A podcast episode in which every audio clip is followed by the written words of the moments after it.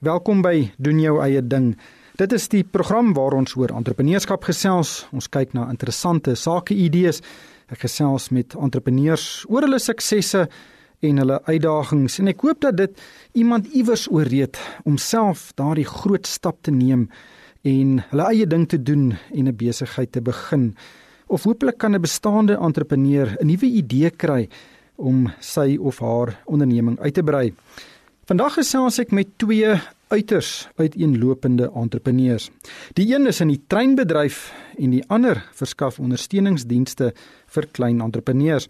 Nou ek gaan net nou in die program met Jannie Bouwer van Genrail gesels. En dit is 'n besigheid in die spoorvervoerbedryf wat lokomotiewe en waens vervaardig en herbou en dit dan in verskeie lande regoor Afrika verkoop. Dit is 'n uiters kapitaalintensiewe besigheid wat op langtermyn vennootskappe gebou is. Nou sulke ondernemings word oor jare opgebou en dit verg taamlike unieke uh, entrepreneurskapsvaardighede om so 'n onderneming staan te maak. Maar voor ek met Jannie gesels, gesels ek met Marie Skoorie. Sy is die uitvoerende hoof van The Workplace en die besigheid het die afgelope paar jaar ongekende groei beleef. En dit verskaf 'n wye reeks dienste soos kantoorspasie en samewerkingsgeleenthede aan ander entrepreneurs om hulle onderneming van te bedryf. En dit het in die afgelope 4 jaar gegroei van net een kantoor in Johannesburg en daar is vandag 14 takke in en om Johannesburg en Pretoria en daar's 'n hele paar nuwe takke ook op die horison. Uh, Marie, welkom by doen jou eie ding. Vertel ons presies wat doen julle en hoe help julle ander entrepreneurs? Baie dankie Ryk. Ons is eintlik ons ondersteun ons lede is 'n maatskappy wat fokus daarop om 'n goeie werksplek vir verskillende industrieë te skep. Soos byvoorbeeld ook ons het ons spesialiseer in medewerkruimtes. Dis wonderlik vir klein besighede, vir vryskutwerkers en entrepreneurs, maar dit is ook fantasties vir groter maatskappye. Hulle gebruik ook nou die medewerkruimtes omdat dit soveel goedkoper is as om alledaagse kantoor te gaan hier met lang kontrakte en die waarde vir die spasie om te gebruik as satelliet vir kantore is fantasties. So ek is nou 'n klein entrepreneur. Ek het nou my uh, aktetas en my rekenaar, maar ek kan nie kantoorspasie huur nie. So ek kom nou na julle toe en dan kan ek nou vir 'n paar ure van julle kantoor af werk en weet voel asof ek my eie kantoor het. O, beslis ja. So wat ons offer is ons offer vir jou pakkette, verskillende pakkette. Dit begin met soos byvoorbeeld jy kan vir 'n pakket vat vir 40 ure 'n maand. So dit is nou tipies wanneer jy nou basies vir 'n paar ure 'n dag wil inkom en daai pakket dan gee vir jou 'n stoel en 'n tafel en dit is in 'n oop ruimte natuurlik. So jy kom in, jy is obviously net natuurlik op die Wi-Fi connected en daarvan af werk jy. Ons het ontvangsdames, ons het on-site management teams vir die hele tyd ons beskikbaar is om jou te help. Ons het ook raadskamers. Dit is daar so dit is fantasties ook. Ons het projektors en al die ekstra's wat daarmee gaan en ja, dit is dis basies vir jou 'n plek om te kom werk en waar jy kan netwerk met ander mense ook die hele tyd en dit help ook die entrepreneur om nie baie alleen te voel op die einde van die dag nie. Hmm. Waar kom hierdie idee vandaan? as jy rondkyk deesdae wat gebeur, is jy sien baie mense in 'n koffiewinkel sit en hulle sit daar so met hulle skootrekenaars en hulle is besig om te werk, baie alleen partykeer en soms sien jy 'n groepie mense bymekaar sit. En dit gebeur ook nou deesdae meer en meer met die jonger generasie. En dit is nou basies hoe mense begin werk het. Vryskutters ook baie belangrik eintlik 'n statistiek wat ek kan uitwys is dat hulle dit is geskat dat 50% van die populasie sal onafhanklik werk teen 2020 20 en wat dan sal gebeur natuurlik is mense sal kantoorspasie se eise sal verhoog en dit is waar jy nou kyk na die mense wat hulle eie besighede begin en hulle eie inkomste begin genereer en dis nou spesifiek vir daai tipe mense waar hulle wil nie lank kontrakte teken en hulle wil nie in 'n kantoor gaan sit nie en hulle wil ook nie soos ek sê alleen wees nie. So dan kom hulle na ons toe en dan gee ons vir hulle daai ruimte om in te werk en dit werk net fantasties. So dit is nie waar ons dit geleer het byvoorbeeld dit is maar net hoe dit alles verander deesdae Wat kos so 'n 40 ure pakket? Dis maar R950. En dan sien jy nou natuurlik BTW waarop dit betaal, maar dis waar die pakkette vanaf begin. En dan kan jy nou 'n pakket kry byvoorbeeld wat nou 80 ure 'n maand is en dis maar R1900 'n maand. En dan as jy nou die groot pakket wil vat waar jy 'n tafel kry en daai tafel behoort nou die hele maand aan jou, so jy kan nou eintlik maar jou rekenaar daar los vir die maand en kyk na R3400 'n maand. En dan soos ek sê, daai is dan nou maar jou stasie vir daai hele maand. Niemand kan jou wegvat van jou tafel en jou stoel af nie. Hmm. Jy het nou so 'n paar jaar gelede begin, so 4 jaar gelede met een tak. Hoekom het uh, julle nou besluit op hierdie sakeplan om hierdie tipe besigheid te bedryf? Kom ek stel dit so, ek is al baie lank in die bedryf en daar is nog altyd natuurlike 'n nut vir mense, eenman besighede, kleiner besighede. So hierdie industrie is al eintlik lank in die gang. Hy was net baie stiller geweest 'n paar jaar terug. Nou wat gebeur soos ek sê meer mense begin hulle eie besighede. Ja, op die einde van die dag wat gebeur het is ons het besluit om nou die nog dit wat hulle dit noem gewoonlik en wat hulle sal bekend staan as die serviced office het ons begin maar die dit het alles het begin verander die rigtings het begin verander en dit is nou waar jy nou kyk na die medewerkruimtes ook. En ons het in 2014 het ons ons eerste tak oopgemaak wat nou die serviced office was soos wat ons hom ken en van daar af tot en met vandag toe het al hierdie takke nou wat ons oopgemaak het deur die jare vanaf 2 jaar terug het ons nou hierdie mederuimtes begin in insit in al die takke wat nou baie populêr is. Hoeveel eh, entrepreneurs het julle nodig per tak om dit uh, lewensvatbaar te maak? Wel kom ons stel dit so, as mens nou kyk na 'n gemiddeld ons het omtrent so 40 maatskappye per tak wat ons het op die oomblik. Van die takke is bietjie groter, soos byvoorbeeld Belito wat ons nou gaan oopmaak. Daai ene gaan tot en met seker maklik omtrent 60 maatskappye kan neem. En dan as jy ook nou kyk na die mede-ruimtewerkers, daai is al is nou weer elke stoel is dalk 'n verskillende maatskappy. So daar's verskriklik baie van hulle wat dit so interessant maak as is al hierdie verskillende industries. En dan soos ek, ek kan nie genoeg sê van die netwerk wat ons altyd sien en as ons gaan kyk altyd om dit baie bekend te maak aan almal is hoe die mense netwerk by the workspace op ons het byvoorbeeld 'n voorbeeld eendag gebruik by ons Pretoria op tak het ons tot en met een van ons kliënte tot en met vier verskillende medewerkers gebruik in sy besigheid.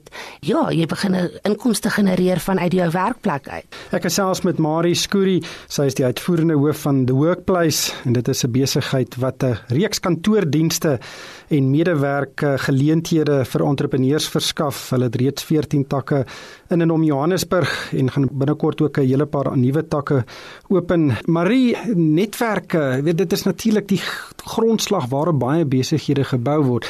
En dit is uh, een entrepreneur sit langs 'n ander entrepreneur. Hy hoor oor die foon, hy praat met iemand en hy het 'n probleem en hierdie ene kan dit oplos. En so omdat jy met mekaar gesels, kan jy besigheidsgeleenthede identifiseer. Hoe kan julle dit in aksie sien? sien julle die entrepreneurs wat so met mekaar gesels en dan nuwe sakegeleenthede identifiseer? O ja nee, reg, dit is nou ek kan nou vir ure met jy sit en daar gesels. Dit is iets wat ons verskriklik opgewonde maak by the workspace.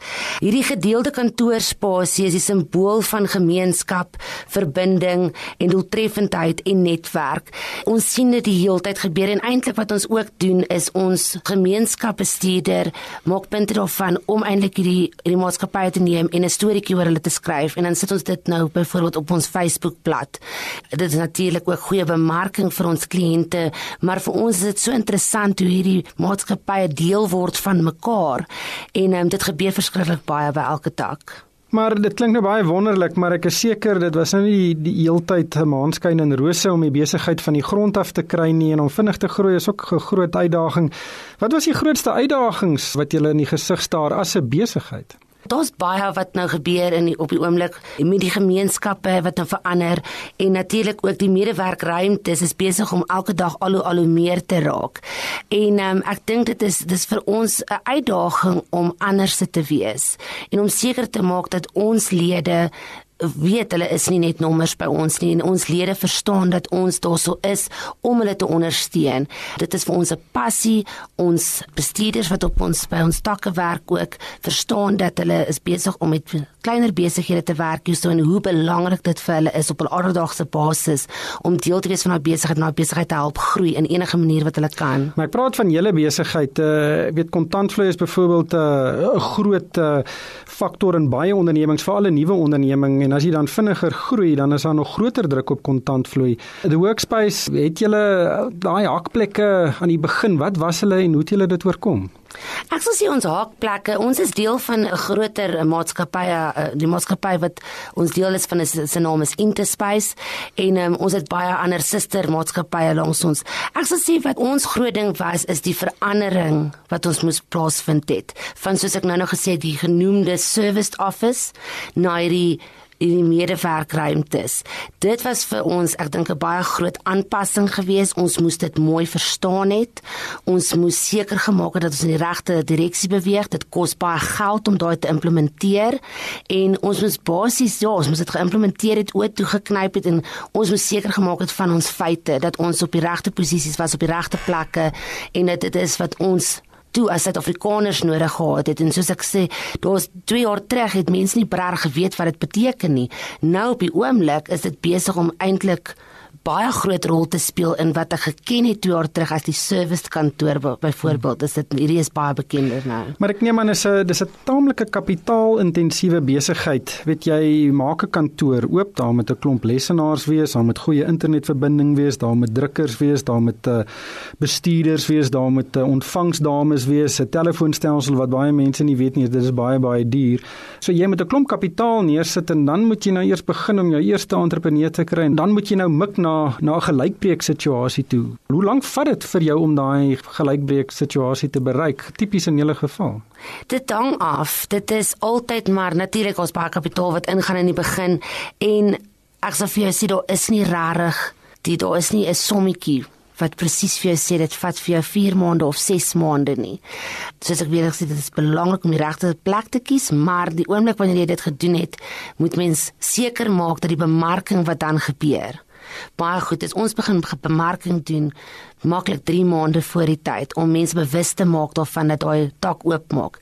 En ja, die dag wanneer ons oopmaak gewoonlik maak ons oop met 'n paar lede alreeds in dit en ehm um, ja, dit hang van tak tot tak. Ek het verskillende tydlyne wanneer ons sien nou maar daai bereikpunt bereik het. So dit is dit verander die hele tyd. Maar is ook interessant julle bemarking is seker maar deur entrepreneurs wat mekaar praat. As jy ehm um, mense het wat in julle kantore of in julle besigheid werk en hulle besigheid groei groei, dan gaan hulle met ander entrepreneurs praat en hoe gelukkiger hulle is, hoe vinniger gaan mense by die deur inkom, maar as hulle ongelukkig is, gaan daar dalk mense by die deur uitloop. Dit is vir ons 'n groot ding en ek sou sê met 'n baie verseker sal ek vir jou sê dit is ook ietsie wat ons verskriklik anders te maak van enigiemand anders wat dieselfde doen as ons. Is ons doen intensiewe ons bestuurders gaan deur intensiewe training en goeters en hulle weet dat die diens wat ons moet lewer moet fantasties wees. En ek kan verseker sê ons diens is regtig goed en dit is vir ons belangrik op die einde van die dag om seker te maak dat daai lede weet dat hulle nommer 1 is.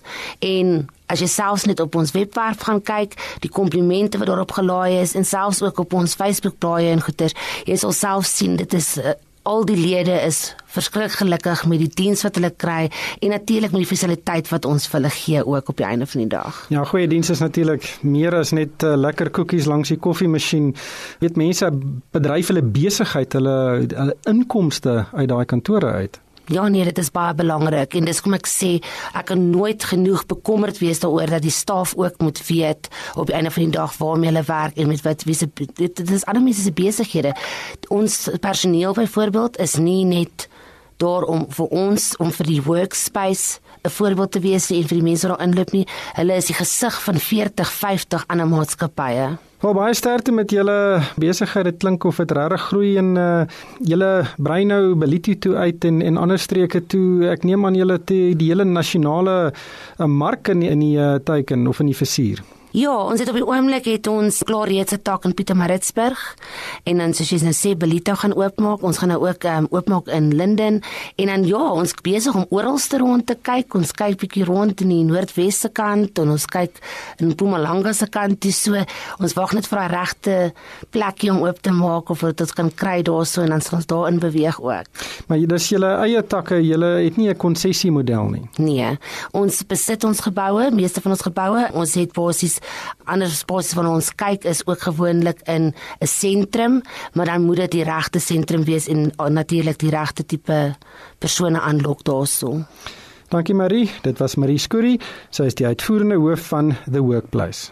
Ek gesels nou met Jannie Bouwer en hy is van Genrail. Nou dit is 'n besigheid in die spoorvervoerbedryf wat lokomotiewe en waans vervaardig en herbou en ook 'n hele reeks verwante dienste aan die spoorvervoerbedryf lewer. Jannie, welkom by die program.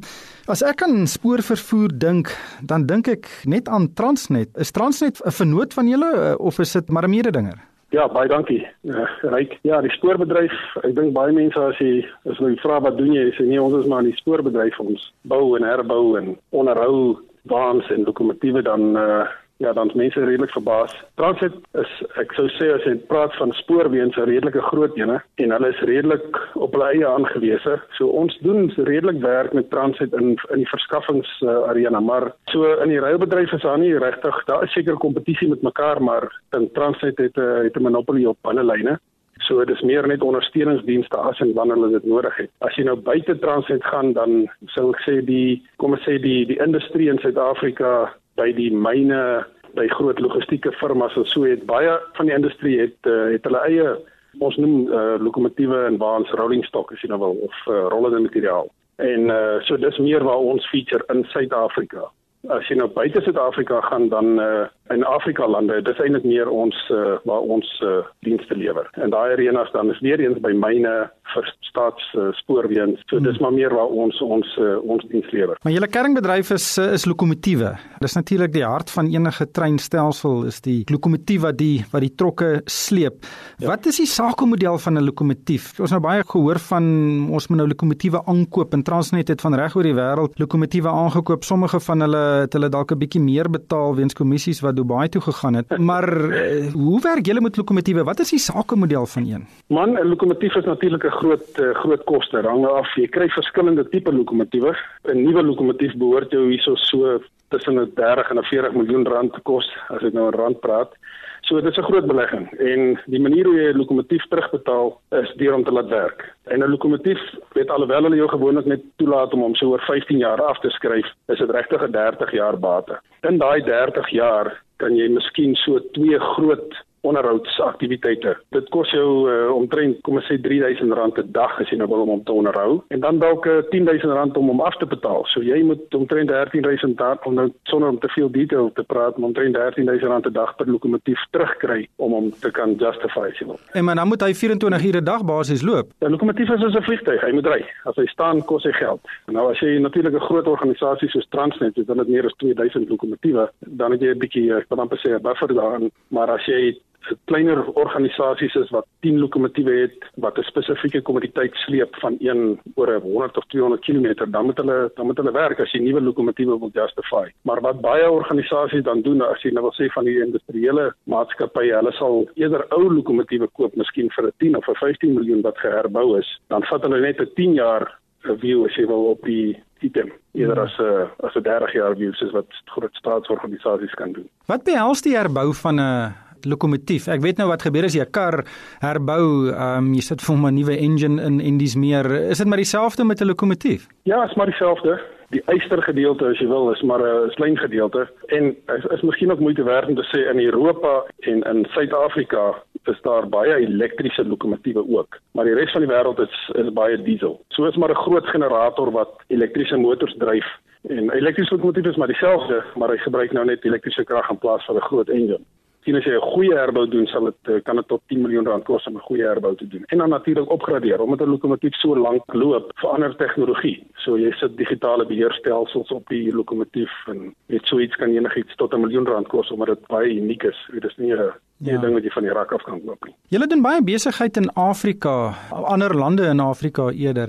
En baie maatskappye sukkel om dit te doen. Ehm um, hoe is julle ervaring om sake te doen in Afrika en, en wat is julle groot uitdagings daar? Dit daar te sê, ek dink baie firmas in Suid-Afrika het uitgereik na Afrika toe as jy in die mynbedryf kom en ons is baie nou betrokke by die mynbedryf omdat ons in die uh, omdat ons in die lokomotiefbedryf is. Is jy noodwendig baie betrokke met die mynbedryf. Oral waar myn mynbouaktiwiteite is in Afrika waar daar lokomotiewe en baans ook is, vind jy dat baie Suid-Afrikaanse firmas is betrokke daar. Dit van die siviele companies is ook betrokke daar. En ons het ongelukkig het ons dieselfde pad gevolg. So ons het ook maar uitgereik na die geleenthede toe. En dan leer jy maar. Soos jy sê, dis nie maklik nie. Een van ons ou CEO's toe nog 'n jong man was het gesê As dit maklik is, dan moet jy daai ander mense dit doen. As dit moeilik is, dan moet jy dit doen en as jy kan suksesvol wees, dan gaan jy dan gaan jy behoue bly.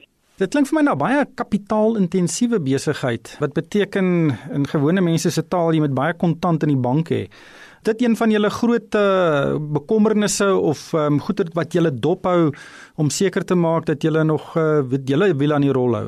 Ja, dit is. Ongelukkig uh, finansiële instansies en banke reg nie baie waarde aan 'n uh, lokomotief of 'n wa tensy dit geld verdien nie. So dit as jy as jy item in 'n spesifieke projek en gewoonlik spoorprojekte word nie gesien in 'n maand of twee nie. Dit is gewoonlik 'n 5 of 10 jaar projek wat jy aankom met. En banke reg nie baie waarde so, sodra hulle nie sien die inkomste staat lyk goed nie. Maar sodra die inkomste staat goed lyk, dan is hulle baie gelukkig om om 'n projek te ondersteun. So gewoonlik as jy 'n projek wil laat werk, dan moet jy op jou eie kapitaal en of die deelnemende firmas staat maak om te begin. En as jy dan uh, 'n uh, goeie inkomste staat gewys het dan sal finansiële instansies uh, bereid wees om te om te help. Maar jy's reg dis nie soos om vragmotors of voertuie te koop nie dis is baie moeiliker. Dink jy daar's baie bedrywe waar die banke oor hulle voete val om geld in te stoot nie hoor. Um, ek dink nie julle is uniek nie.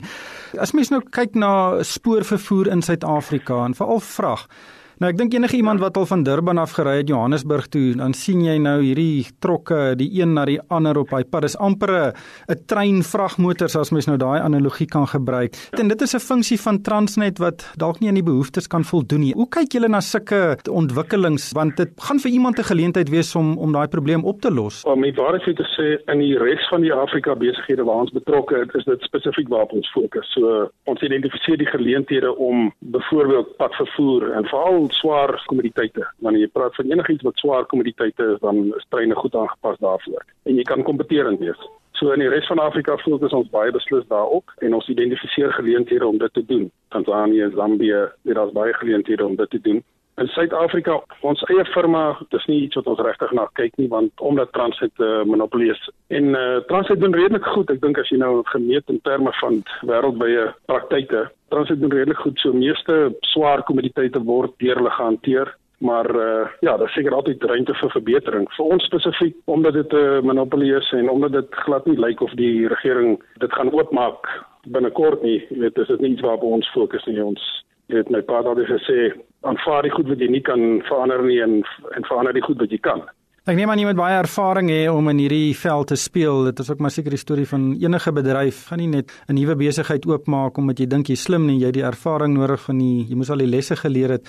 Maar dink jy dis moontlik vir nuwe entrepreneurs om in hierdie marke in die spoorvervoer marke besigheid te begin? 'n Man, my raad aan enige entrepreneur is om uh, om eers 'n bietjie ondervinding te kry. Anders is jy net 'n kansvatter. 'n Entrepreneur in beginsel is 'n kansvatter, maar as jy uh, as jy nie bietjie ervaring of ondervinding het van wat jy probeer doen nie, dan kan jy nie regtig 'n entrepreneur wees nie. So daar is geleenthede, maar in ons bedryf as jy nie at least ek sou sê ons is nou 'n bietjie meer as 30 jaar in die bedryf en as jy nie uh, at least 10 jaar goed ondervinding het, dan gaan niemand jou ernstig vat nie en jy gaan dalk groot foute maak. Dit is 'n uh, ek wil amper sê 'n uh, eksklusiewe tipe besigheid wat jy 'n bietjie tyd vat om te leer wat wat aangaan. Dis amper 'n tipe van 'n langtermyn entrepreneursiese strategie want omdat lokomotiewe is duur goed wat lank vat om vervaardig te word en en in lang leeftyd het. So besluite wat jy vandag neem gaan eers regtig 'n effek hê op op jou boeke oor 10, 15 jaar.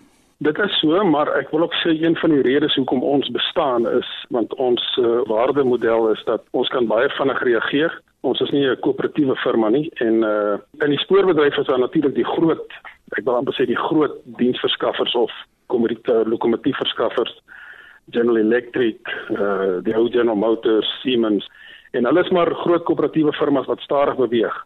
Ons fokus op niche, op sê geleenthede waar iemand vinnig wil reageer en hulle wil 'n goeie produk hê in 'n kort tyd. Dis die wat ons op fokus. So as iemand 'n 100 lokomotiewe wil hê, gaan praat met GE as jy wil.